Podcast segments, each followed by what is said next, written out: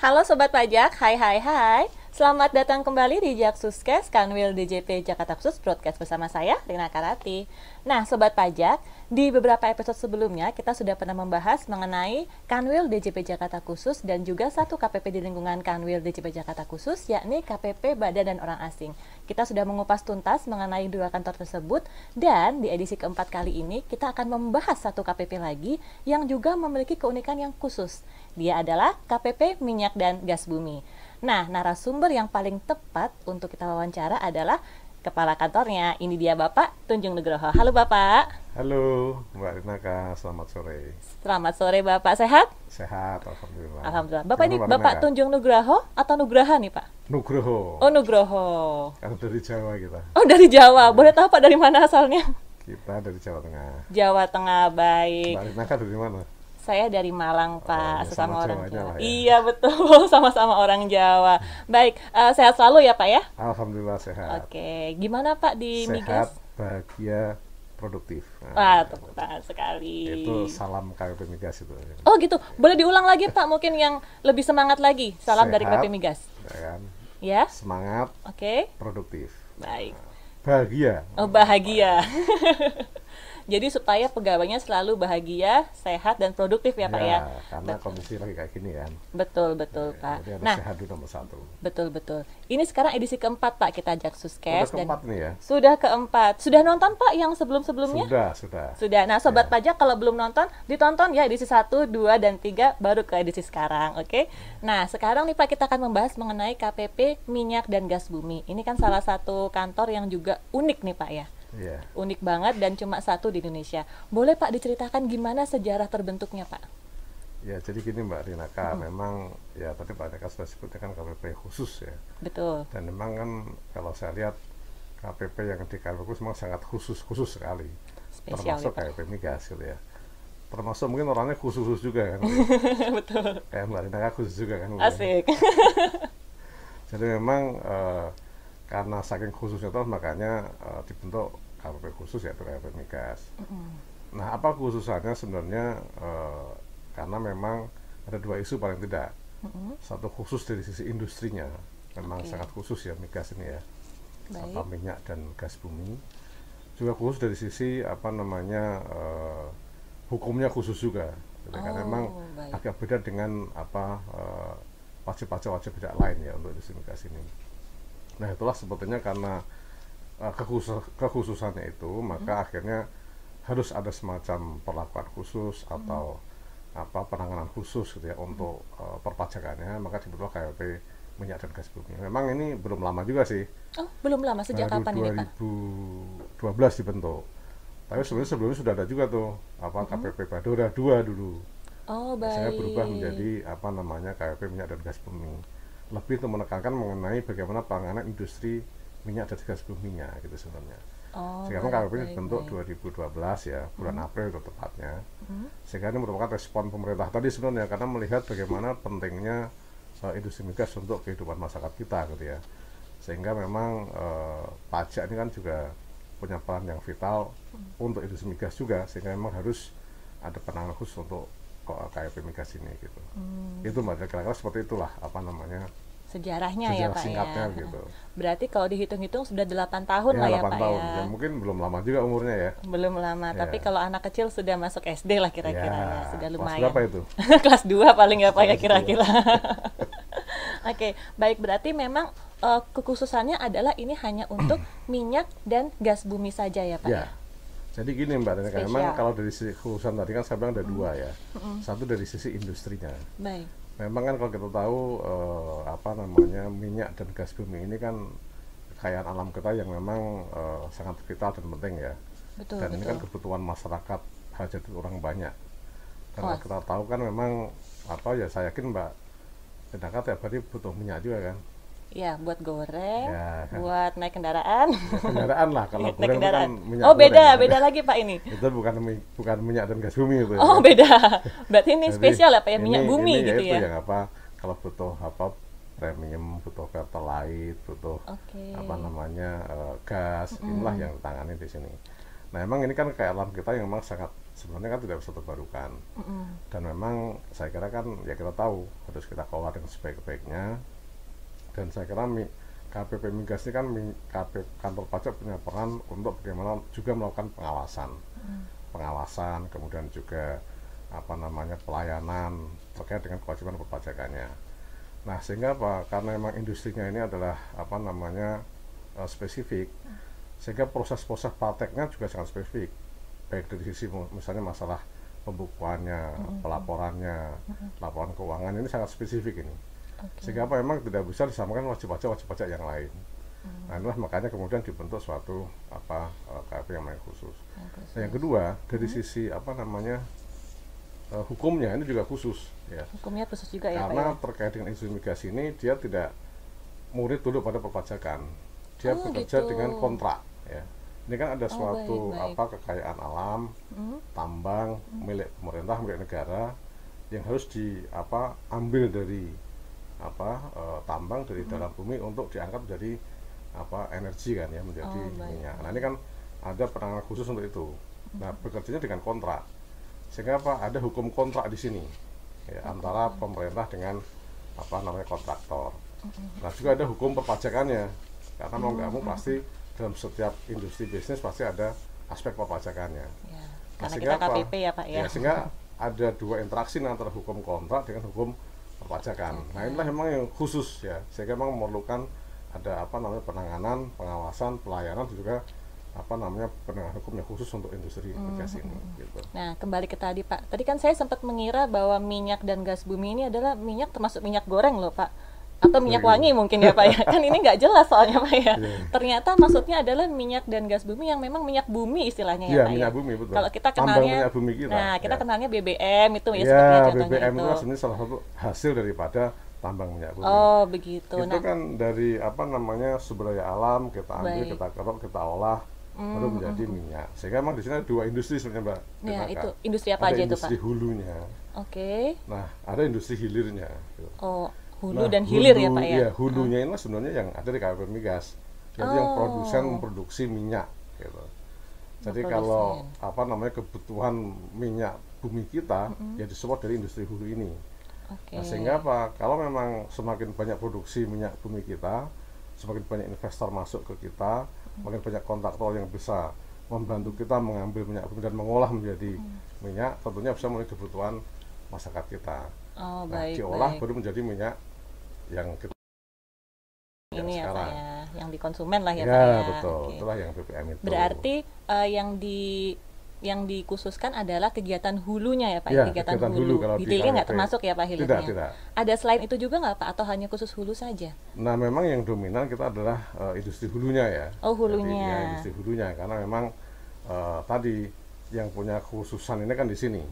Kalau hilir ini kan sama dia, sama kan wajib pajak wajib lain, artinya ya dia apa namanya uh, menjual minyak dan sebagainya. Tapi kalau kita kan memproduksi dulu dan tadi untuk menak justru menarik tambang dari minyak bumi itulah khusus di sini kan. Termasuk praktek-praktek apa namanya bisnya juga khusus. Khusus juga. Tadi saya katakan termasuk praktek misalnya pengakuan pendapatannya, pengakuan penghasilannya juga khusus di sini. Spesial ya, gitu ya, spesial, ya Pak ya. Gitu. Nah, kalau misalnya nih Pak, kalau yang saya tahu nih ya Pak ya, uh, hulu ketika kita istilahnya kayak menambang berarti ya Pak ya? ya? Menambang. Itu kan kegiatannya banyak nih macamnya dari A sampai Z itu. Itu boleh dijelaskan Pak apa aja mulai dari mungkin apa eksplorasi ya, atau jadi apa gini, itu Pak? memang pertama kan, kan gini ya. Pemerintah kan punya ladang minyak. Oke, okay. ya. katakanlah kan, di mana kan ya Pak ya Kalimantan ya, misalnya Kalimantan, gitu ya. Ini kan di bawah uh -huh. bumi nih. Ya okay, kan? baik. Tapi kan kita juga nggak tahu persis ini cadangannya berapa, ada benar atau tidak, kita nggak tahu. Hmm. Sehingga apa? Pasti banyak tahap eksplorasi dulu. Oh baik, ya. eksplorasi. Nah, untuk menarik orang mau eksplorasi kan nggak mudah juga. Ya. Oh, kenapa nggak mudah pak? Ya karena butuh biaya banyak. Oh, baik. Ya kan untuk kita mencari, mensurvei ya kan, sebenarnya kan butuh biaya banyak. Makanya karena ini kan juga industri yang cukup cukup risiko juga nih, risiko tinggi artinya. Kenapa? Karena tadi kita tidak tahu di dalam bumi kayak apa, hmm. ya kan, kandungan berapa, dan kita harus investasi duluan. Oh, keluar duit dulu keluar gitu duit ya, dulu ya? di sini. Nah, ini kadang-kadang membuat pemerintah juga harus bagaimana menarik investor mau mengeksplor apa tambang kita ini. Oh, baik. Nah, tahap eksplorasi ini masih mencari ini, ya mencari-cari berapa kandungan dan sebagainya. Hmm. Kalau ketemu, hmm. ya kan nah baru kita nanti eksploitasi oh eksploitasi Lalu berarti mulai menambangnya nanti. gitu mulai, ya mulai pak ya produksi kita oh baik nah jadi eksplorasi sama eksploitasi ini enggak ya tergantung ya kondisinya ada yang cepat ada yang lama mm -mm. sudah keluar ya mungkin jutaan dolar belum mungkin keluar juga minyaknya. Jadi oh, iya. macam-macam. Nah ini memang apa namanya perlu perlakuan khusus di dalam industri ini. Hmm. makanya sudah kontrak khusus ada perjanjian atau pemerintah dengan kontraktor hmm. sehingga betul menjadi menarik gitu ya. Uh, ada yang mau mengeksplorasi tambang kita gitu. Iya iya betul betul karena memang bisa saja pak ya ketika kita sudah keluar duit banyak sudah eksplor nih pak kayaknya kira-kira yeah. ada minyak nih di pulau ini ternyata nggak ada, ada. gitu zong. itu, udah, itu zong. Itu zong. itu kerugian investor itu. Itu kerugian. Karena pemerintah nggak mau apa namanya tanggung jawab untuk itu. Oh baik ya, jadi baik. kita hanya menyediakan lahan eksplorasi. Mm -mm. kalau berhasil baru nanti kita bagi hasilnya. Oh gitu. Jadi yang yang diberi yeah. kalau sudah berhasil kalau gagal ya udah Nah, ini oh, memang baik, ini yang baik. saya katakan kadang-kadang perlu perlakuan khusus terkait dengan mm-hmm. perpajakannya juga. Nah, ya, ketika gitu. misalnya sudah ketemu nih Pak ya sudah kita eksploitasi, kemudian kan ada kayak pengangkutan dan sebagainya, itu juga apakah termasuk dalam ranah KPP minyak dan gas bumi? Oh iya, jadi gini memang disam, memang yang utama kan industri hulu tadi ya, iya, yang apa hulu. mengeksplorasi kemudian memproduksi dan eksploitasi mm-hmm. minyak. Nah, kadang-kadang untuk industri ini kan juga butuh penunjang ya. Oh, penunjang ya, ya Pak ya namanya ya. Penunjang industri migas. Hmm. Biasanya dia memberikan servis kepada tadi kontraktor-kontraktor yang memang melakukan tambang apa migas ini. Hmm. Macam-macam nih, ada ada jasa drilling, ada jasa cementing, Tunggu, ada jasa pengangkutan. Drilling itu apa Pak ya? drilling itu ya itu bahasanya mengebor, agak ini. Ya, mengebor, jadi mengebor, mengebor. Ya mengambil, hmm. mengangkat minyak dari bumi ke atas lah drilling. Oh baik, gitu ya. saya tahunya drilling itu kalau dulu waktu masih kecil Pak di drill, ayo kamu belajar oh, A, B, C, D itu. Bukan ya? beda nah, nih. Itu itu ngedrill yang lain. Oh beda ya. lagi. Ini, baik. Ini memang mendrilling minyak kan. Oh baik, baik, baik. Nah itu itu jasa penunjang. Nah kita emang ada ada dua sih, yang tapi nggak terlalu banyak di kita. Mm -hmm. Yang banyak sih wajib pajak yang apa namanya uh, istilahnya wajib pajak K3S, kontraktor, kon, kon, kontraktor kontrak kerjasama. Ah, Karena memang ini bentuknya adalah tadi kerjasama antara pemerintah dengan kontraktor. Nah kalau penunjangan migas kita juga memang nggak nggak banyak juga. Hmm, istilah baru nih Pak ya. Berarti uh, ya kegiatan yang diakomodir tadi kalau saya simpulkan adalah kegiatan hulu dan juga kegiatan penunjangnya ya, ya Pak ya. itu yang selain hilir ya Pak KPP ya. minyak dan gas bumi. Oh baik baik. Nah kalau untuk wajib pajaknya Pak, wajib pajaknya ini apa aja Pak yang di KPP minyak dan gas bumi? Iya tadi Mbak karena wajib pajak kan contohnya sesuai, gitu misalnya. kegiatan utama kan. Mm -hmm. Karena di sini industrinya adalah minyak dan gas bumi, industri mm -hmm. hulu, sehingga apa wajib pengusaha-pengusaha bergerak di sini sehingga wajib pajak yang kita ya ini adalah wajib pajak yang oh, bergerak di dalam apa namanya uh, eksplorasi minyak dan gas bumi eksploitasi dan eksplorasi hmm. ini. Kalau pengusaha berarti PT gitu mungkin ya Pak ya? Ya di sini PT, memang PT. kebanyakan Mbak ada dua. Bisa oh. dia memang dalam negeri iya. PMDN, bisa dia memang luar negeri. Oh bisa juga itu ya, Pak. Nah biasanya kalau luar negeri dalam bentuk BUT juga di sini dalam oh, bentuk baik. apa namanya bentuk usaha tetap gitu ya. Mm -hmm. Atau bisa juga PT dalam negeri. Jadi ya ada dua di sini bisa berupa wajib pajak dalam negeri PT ya atau bisa juga dia memang bentuk usaha tetap. BUT. Gitu, ya. Berarti ya. duanya adalah PT dan BUT itu ya, ya Pak ya. Oh baik baik baik. Tapi yang hilir tadi tetap tidak termasuk ya. Kalau yang hilir kebanyakan ya ya bisa juga sih bisa juga dalam negeri bisa juga dia. Nah, apa namanya BUT. Ini kan agak panjang Pak KPP minyak dan gas bumi. Ada ya. nama singkatan yang umum nggak Pak? Ya selama ini namanya migas itu. Oh migas, ya, ya. singkatnya migas gitu ya Pak ya? migas. ya? Jadi migas lah minyak dan gas, gas bumi. bumi. Nah gitu. berarti kalau sobat pajak mendengar KPP migas itu artinya adalah KPP minyak dan gas bumi. Gitu. Ya. ya. Itu ya Pak ya? Iya. Betul betul. Nah kalau misalnya untuk wajib pajaknya ini tadi Pak, wajib pajaknya lagi itu tadi saya juga mendengar ada kata-kata yang baru nih Pak ya SKK, ya Pak K3S. K3S. K3S. Ya. Kemudian tadi wajib pajaknya adalah PT dan uh, eh, BUT gitu Pak. Ya ada dikasih contoh kan mungkin apa boleh nggak disebutkan pak? Uh, misalnya, misalnya PTX atau PTDB uh, eh, gitu. Mungkin nggak usah disebut merek kali ya. Iya, jadi misalnya. intinya kan begini Mbak Mbak Rinaka. Jadi uh, tadi saya katakan karena industrinya adalah uh, ini kan tambang milik pemerintah, uh-huh. pemerintah kan mengundang investor untuk bekerjasama dengan pemerintah uh-huh. untuk mengambil apa namanya tambang ini. Nah itu wujudnya dalam bentuk kontrak kontrak. Oh, ya. tadi yang K3S itu bukan, Pak? Nah, K3S ini adalah kontraktornya. Oh, ya. baik, ya, baik, jadi baik. Kontraktor kontrak kerjasama. Ya. Oh, baik. Nah, ini bekerja dengan berdasarkan kontrak yang namanya product production sharing kontrak. Jadi kontrak production sharing kontrak. Gitu. Oke. Okay. Nah tadi biasanya karena ini butuh investasi mahal, investasi hmm. besar. Hmm. Nah biasanya apa? Diatur khusus dalam kontrak ini ya. Oh baik. Mengenai baik. apa namanya pembagiannya, tanggung jawabnya kontraktor, kapan hmm. haknya pemerintah, hak kewajiban dan sebagainya. Nah ini berpengaruh kepada proses perpajakannya. Gitu. Oh, ya. baik. Sehingga apa? Berapa bagian kontraktor, berapa bagian pemerintah diatur di sana. Nah, pajak ini kan lanjutan dari sana sebenarnya. Itulah makanya proses perpajakan kita nggak bisa lepas dari proses kontrak ini. Oh, gitu. Jadi K3 adalah kontraktornya. Nah, bekerjanya berdasarkan kontrak antara pemerintah dengan kontraktor itu. Apa yang gitu. tadi PCS tadi itu ya Pak ya? PSC. Pro, oh PSC, ya, Production kebalik. Production sharing, sharing cost. Oh, sharing Dan itu pun skema juga bisa macam-macam nih. Oh beda-beda nah, juga itu Pak ya? skemanya ada dua yang di yang dipakai oleh pemerintah dengan kontraktor. Oh, apa aja itu Pak? Ada skema apa namanya cost recovery, okay. ada skema namanya gross split. Gitu. Ah, cost nah, ini recovery. baru nih gross split yang lama sih kita banyakkan pakai cost recovery. Oke, okay, cost recovery gitu. ini apa Pak? Kalau saya recovery biasanya habis sakit, habis sakit recovery ya, sembuh recovery, gitu ya, ya Pak. Ini kalau cost ya. cost biaya recovery. Jadi gini Mbak, nah, ini apa kan dari akuntansi bukan?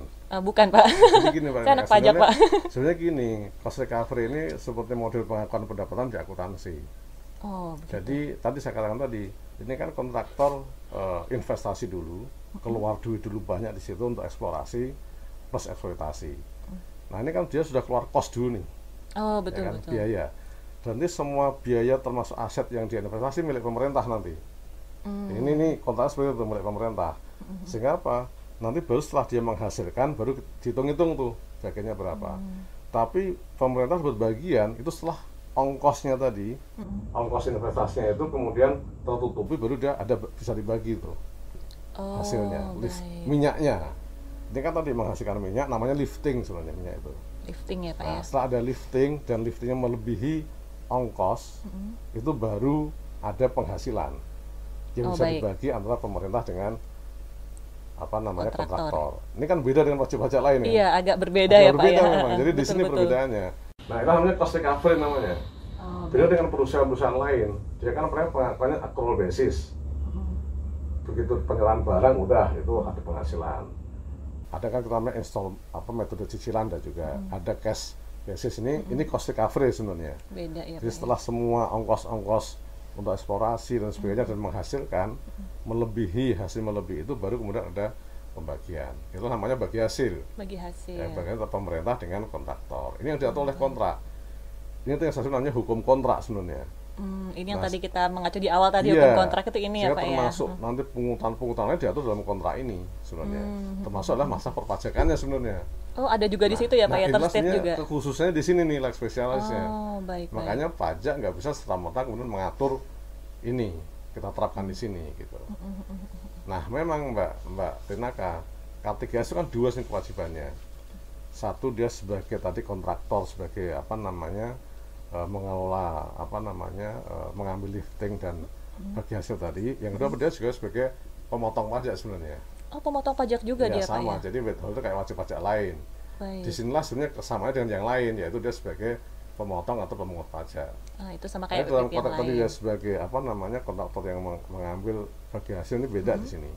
Oh, nah, baik, ini, inilah sebenarnya bentuk apa namanya K3S hmm. dengan model nanti PSC yang cost recovery. Oh baik. Tapi untuk yang tadi kan ada perbedaan berarti ya Pak ya. Maksudnya dia menjalankan dua peran gitu ya Pak yeah. ya. Antara peran yang dia sebagai kontraktor, kontraktor dan peran sebagai yang pemotong. Sebagai pemotong. Nah untuk yeah. yang peran sebagai pemotong itu pelaporannya juga di KPP Migas Pak. Oh iya, jadi oh, sama, sama. Jadi karena dia terdaftar di KPP Migas hmm. ya kan, semua perannya diadministrasikan di situ. Hmm, baik dia sebagai baik. kontraktor yang tadi apa hasil utama minyak tadi ya minyak hmm. bumi tadi maupun dia sebagai pemotong atau pemungut Karena operasi dia kan pasti tadi dia punya penghasilan dari bagian dia sebagai kontraktor, mm-hmm. yang pemerintah di bagian pemerintah. Nah, pemerintah punya dua bagian sini. Mm-hmm. Satu bagi hasil yang namanya PNBP, PNBP penerimaan baik. negara bukan pajak. Mm-hmm. Terus itu ada PPH migas. Oh, ada PPH migas nah, juga ya, Pak? Ya? Betul, ya? karena pada saat nanti berhitung tadi pemerintah kontrak itu sekaligus itu dihitung oh, berapa uh, bagi hasilnya mm. itu di PNBP di nanti data di Direktorat Jenderal Anggaran Nah PPH migasnya kita yang mencatat.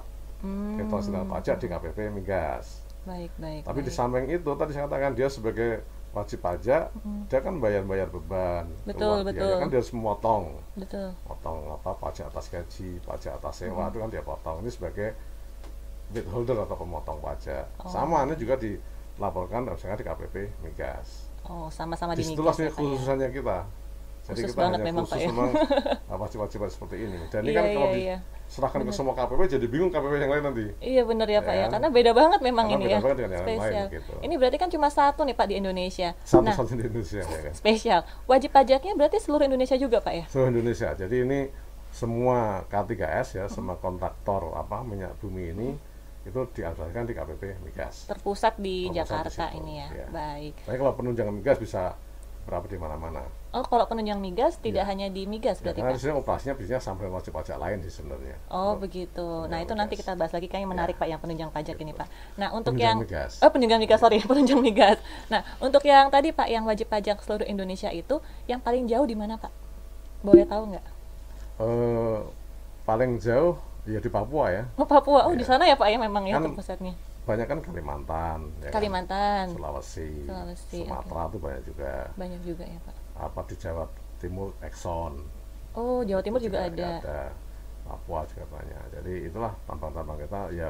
Tapi kan ada dua ya, ada yang hmm. onshore, ada yang offshore tambang itu. Nah, onshore ini apa? Offshore On, ini apa onshore Pak? Onshore itu yang juga di permukaan bumi dia, di atas permukaan bumi. Oh, itu di atas permukaan ya, bumi onshore ya Pak? Offshore itu ya di di di laut dalam di dalam oh, laut biasanya baik. di perairan. Oh berarti kalau misalnya mendengar offshore itu maksudnya yang ya, di laut-laut itu, itu lah ya di bawah laut itu. Oh gitu. itu itu alatnya pasti mahal itu ya pasti ya tadi apa namanya iya, betul, betul. dan sebagainya dan memang di tengah laut dia operasinya kan baik baik baik oh gitu nah ini pak kalau misalnya tadi dengan penjelasan yang tadi itu Pak ya, saya asumsikan misalnya ada PTX gitu ya. PTX yeah. ini ingin bekerja sama masalah dengan migas. Pemerintah. Nah, dengan pemerintah. Yeah. Berarti adalah PTX ini mungkin mengeluarkan biaya untuk eksplorasi dulu gitu yeah. ya Pak ya. Eksplorasi, kemudian setelah keluar migasnya atau minyaknya mm.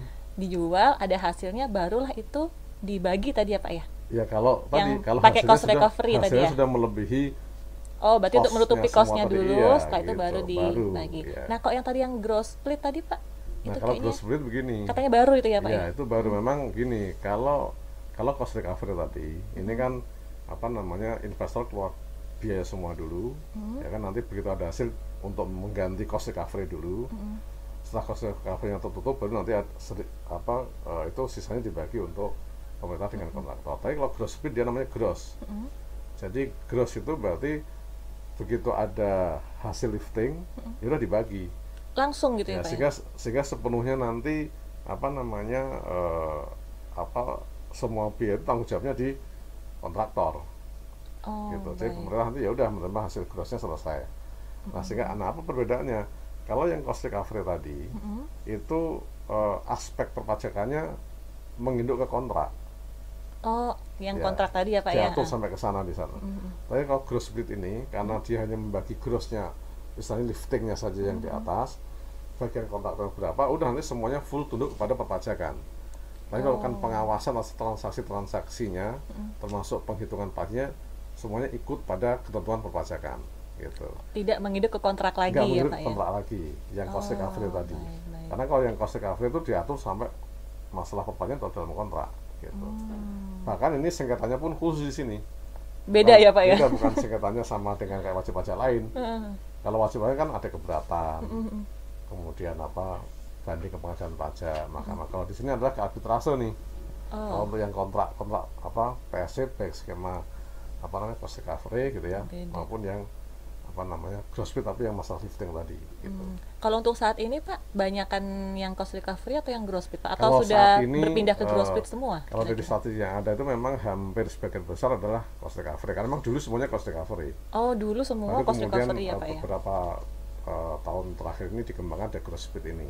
Hmm, gitu. Memang ini crossfit mungkin sangat apa menarik kalau memang sudah produksi ya mm-hmm. sudah apa produksi yakin produksi minyaknya ada dan sebagainya mungkin enak tapi kalau kalau memang kita masih eksplorasinya masih mm-hmm. apa panjang jauh dan sebagainya masih ini mungkin memang kalian lebih tertarik kepada cost recovery juga. Hmm, kayak tadi misalnya zong gitu ya. iya, karena cost recovery tadi kan memang dia investasi duluan. Uh, uh, tapi begitu ada hasil kan di recovery dulu. Betul, betul. oleh pemerintah. setelah baik. melebihi ini baru nanti ada bagi hasil. Oh baik baik baik pak. Nah untuk berarti yang di migas tadi adalah pajaknya PPH migas ya pak ya? PPH migas. PPH betul. migas. Oke selain itu nggak ada lagi pak berarti ya? Nggak ada. Ya sama ada. tadi yang pemotongan pemungutan itu. Oh, nah baik. tadi Mbak Renaka, tadi Mbak Renaka kan bilang bagaimana kalau pengen apa kerjasama dengan pemerintah. Mm -hmm. Nah tadi sebenarnya yang me, apa yang apa meng, regulatornya nih ya regulator hmm. terkait dengan adalah sebenarnya SDM sama SKK migas sebenarnya. Ah, ya, SKK migas jadi, itu apa pak? Ya, Boleh jadi, dijelaskan kalau SDM mungkin banyak tahu lah ya. Gini, apa namanya dulu memang kan uh, hampir seluruh tambang ini kan dulu Pertamina ya, tambang Pertamina oh, iya. kan. Jadi dulu semua minyak gas ini kan pertama sebagai pemerintah. Mm-hmm. Kemudian berkembang untuk ada namanya diserahkan pada BP Migas, ya kan. Sehingga dulu BP Migas sebagai wakil pemerintah badan pengelola hulu migas Badan Pengelola Hulu ya, Migas. Dulu gitu ya, apa sebagai wakil pemerintah untuk berkontrak dengan para investor tadi itu kontraktor oh, tadi. Oh baik baik baik. Nah, Kepanjangan tangan kan, pemerintah berarti ya, ya pak ya. Betul. Nah ini dulu kan ya kayak semacam apa uh, badan apa non kementerian gitu ya. Mm -hmm. Nah kemudian akhirnya ada perubahan-perubahan di bawah SKK Migas. Oh, nah SKK Migas itu di bawah SDM. Di bawah gitu. SDM. Ya, jadi, Kepanjangannya apa pak SKK Migas? SKK itu Satuan Kerja uh, apa uh, satuan kerja khusus untuk hulu migas gitu. Oh, hulu baik, baik. Nah, ini sebagai wakil pemerintah saat ini pada saat akan ada kontraktor atau investor ingin bekerja sama dengan pemerintah untuk mengolah suatu apa tambang minyak mm-hmm. di wilayah kerja tertentu gitu. Berarti ini saling berhubungan ya Pak ya antara ESDM, yeah. SKK Migas, ya, kemudian yeah. sama tadi K3S ya, ya Pak ya. Apa namanya ESDM, mm-hmm. SKK Migas dan kontraktor ya. Ini tiga mm-hmm. pihak yang biasanya akan apa namanya memutuskan oh inilah wilayah kerja ini akan dikelola oleh siapa dan biasanya kan di bidding gitu oh ya, di bidding ya, itu dilelang gitu ya dilelang pak ya, ya dilelang oh, gitu, siapa yang memang nanti memenangkan di dalam suatu wilayah kerja tertentu nah begitu nanti diputuskan oleh pemerintah ESDM dan LHK Migas oke okay, apa namanya uh, perusahaan ini tadi bisa dalam negeri bisa juga luar negeri tadi ya mm -hmm. yang memenangkan untuk mengelola ladang minyak ini ya oke okay nanti dialah yang melakukan investasi di situ dan seterusnya. Hmm, baik, nanti baik. baru dia berhubungan sama KPP Migas. Oh setelah itu baru ya, ke KPP Migas. Ada transaksi dan sebagainya baru kita karena inilah yang saya kira peran pajak kan di sana ya. Hmm. Artinya kita punya fungsi untuk mengawasi transaksinya, hmm. apa kegiatan usahanya, ekonominya. Hmm. Karena memang ya KPP Migas dibentuk untuk itu sebenarnya kan. Ya semua kantor pajak sih sebenarnya dibentuk punya fungsi itu gitu tadi Pak, itu kan berdiri ya, tahun 2012. Ah. Ya masih 8 tahun itu Pak ya. ya. Nah, sebelumnya itu perpajakannya bagaimana Pak? Apa nggak dipajakin? Jadi gini Mbak Rina, tadi saya sampaikan memang sebenarnya kan KPP Migas ini uh -huh. kan perubahan dari KPP Badan dan Orang Asing dua. Oh, ya, dulu baik. itu ada dua KPP Badora dulu itu, uh -huh. Badora satu dan Badora dua yang sudah disampaikan Pak apa apa beli sebelumnya ya oh, ya. ya cek gitu. di episode sebelumnya ya sobat ya, pajak ya gitu nah memang tadi sepertinya gini dulu memang pada awalnya hmm. Kita tidak terlalu melihat kekhususan mengenai apa ya perpajakannya ini kayaknya hmm. dan dulu memang jujur aja uh, kalau sepengetahuan saya sempat ada semacam kayak apa ya uh, kemarin perlakuan kadang-kadang antara tadi ya ya hukum kontrak tadi hmm. dengan perpajakan Oh, baik. Apalagi dari sisi masalah uh, pemeriksaannya dulu, ya. Kenapa mbak? Karena dulu pada saat kita bicara kontrak sebenarnya, hmm. tadi kan saya bilang ada bagi ada bagian pemerintah, ada bagian kontraktor. Bagi-bagi lah nah, ya Untuk ya? memastikan bagian ini, hmm. kan sebenarnya ada pemeriksaan. Oh baik. Ya, atas bagi hasil bagian PNBP dan uh, eh, PBH migasnya. Hmm. Dulu itu kan BPKP yang mau pemeriksaan Oh, BPKP. Ya, ya BPKP Badan Pengawasan uh, apa Keuangan dan Pembangunan. Baik. Beda sama BPK ini, Pak ya? Beda. Gitu. Beda. Ini kan organisasi pemerintah loh ini. Baik. Nah, dulu kita uh, pajak DCP hmm. terus sepenuhnya mengikuti ini mereka aja. Jadi oh. perhitungannya mereka, proses mereka itu yang kita terima saja, gitu. Karena ya udah kita dulu hanya fokus pada pemeriksaan pemotongan pemungutannya saja tadi yang pot tadi itu nah sehingga apa ternyata ya kita ternyata ya nggak saja nggak seperti itu gitu ya kenapa kan dalam proses apa uh, kontraktor hmm. ini ada namanya uniformity principle apa nah, itu pak ya kan?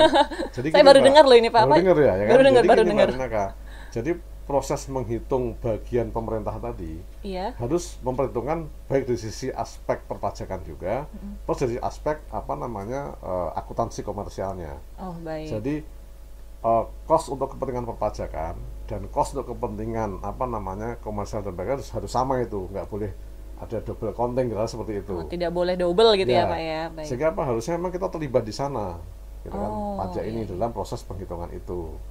Nah dulu kita sebenarnya adalah kita serahkan kepada BPKP, udahlah hmm. seperti itu. Nah pada saat dulu masih terdaftar di Badora itu seperti itu prosesnya.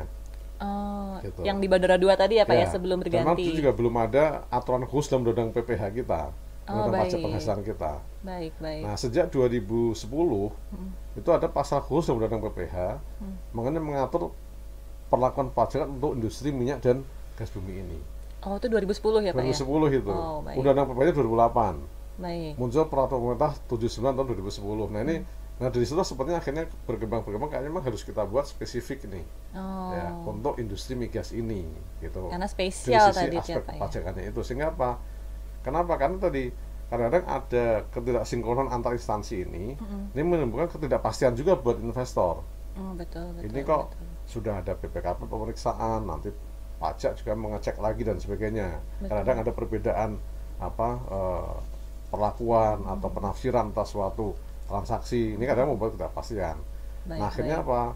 Nah harapannya dengan adanya KPP migas khusus tadi yang mengelola untuk para K3S ini hmm. ada kesamaan treatment, kesamaan perlakuan, kesamaan pemahaman nih oleh baik.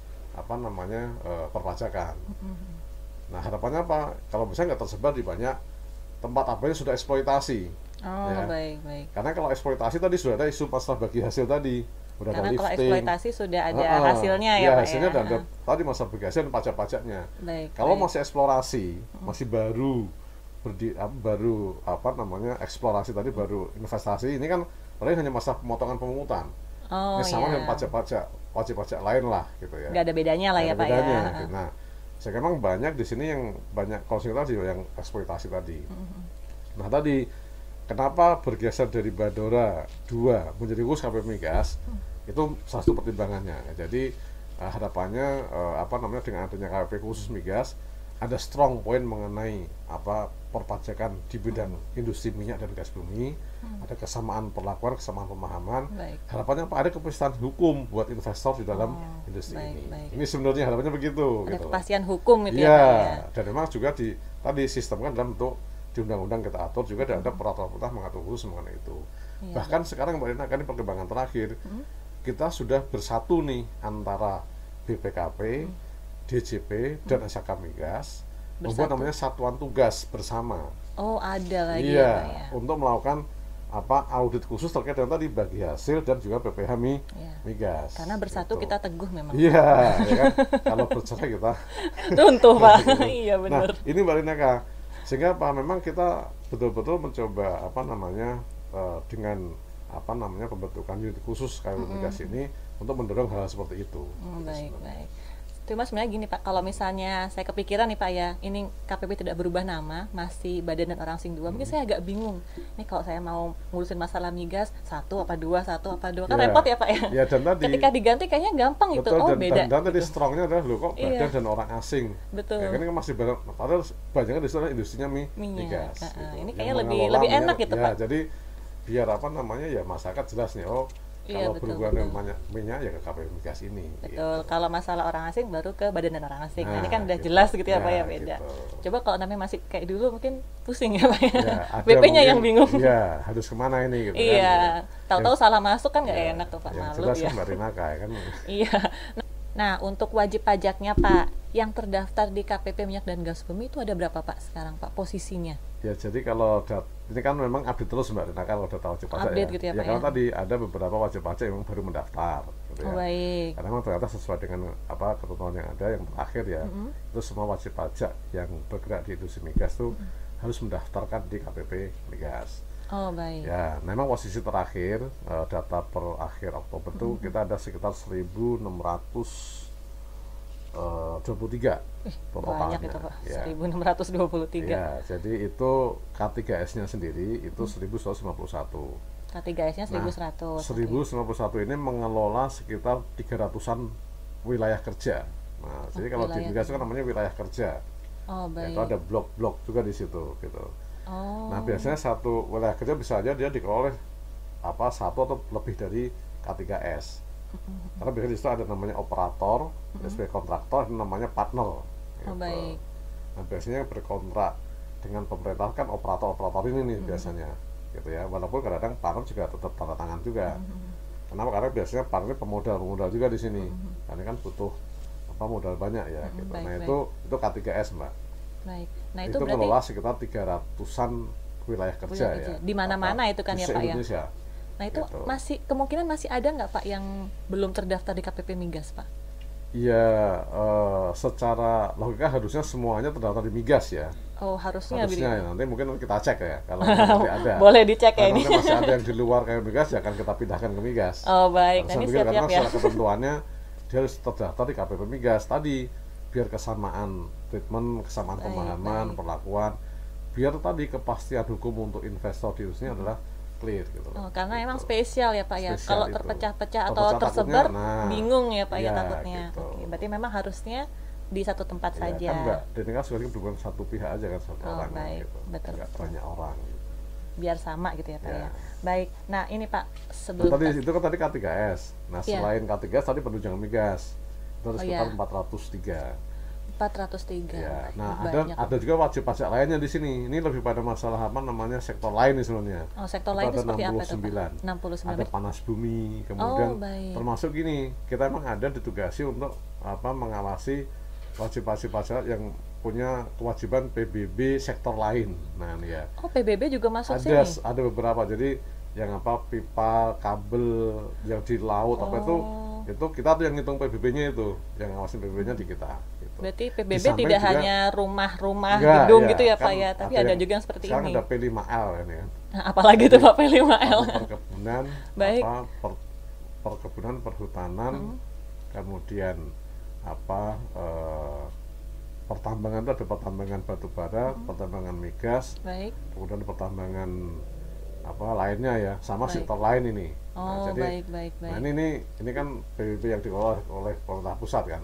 Nah, kalau di migas tadi ada PBB migas, mm-hmm. terus PBB yang sektor lain. Gitu. Oh, berarti di KPP migas selain juga di PPH migas juga ya. ada PBB-nya ya, gitu ya, Pak ya. Gitu. Yang semua pos berhubungan dengan minyak dan gas bumi lah ya, ya Pak istilahnya, gitu, Pak. Gitu. Baik. Nah, ini Pak, sebelum kita selesai, closing statement Pak dari Pak Tunjung. Oh, gitu ya. Jadi ya. mungkin gini Mbak Renaka. Uh, saya sih berharap gini ya, memang ini kan uh, minyak dan gas ini kan suatu apa ya apa uh, kekayaan alam yang menguasai hasil itu orang banyak gitu ya. Baik. Saya sih berharap betul-betul apa kekayaan alam kita ini hmm. dikelola dengan sebaik-baiknya, hmm. akuntabel, transparan, Betul. sehingga kita punya produksi minyak yang cukup tinggi, bisa memenuhi kebutuhan dalam negeri, Baik. kita nggak impor minyak lagi, gitu ya. Amin, ya. Gitu, Pak. Nah, saya berharap kami di KPP Gas punya peran untuk itu. Oh, ya. baik, baik. Bagaimana mendorong industri semakin baik, hmm. semakin apa namanya uh, transparan, hmm. akuntabel, kepastian hukumnya terjamin, hmm. banyak investor tertarik untuk mengelola minyak kita, tapi tadi dengan akuntabel dan transparan. Baik, Sehingga baik. bisa dipakai untuk memenuhi kebutuhan apa masyarakat kita.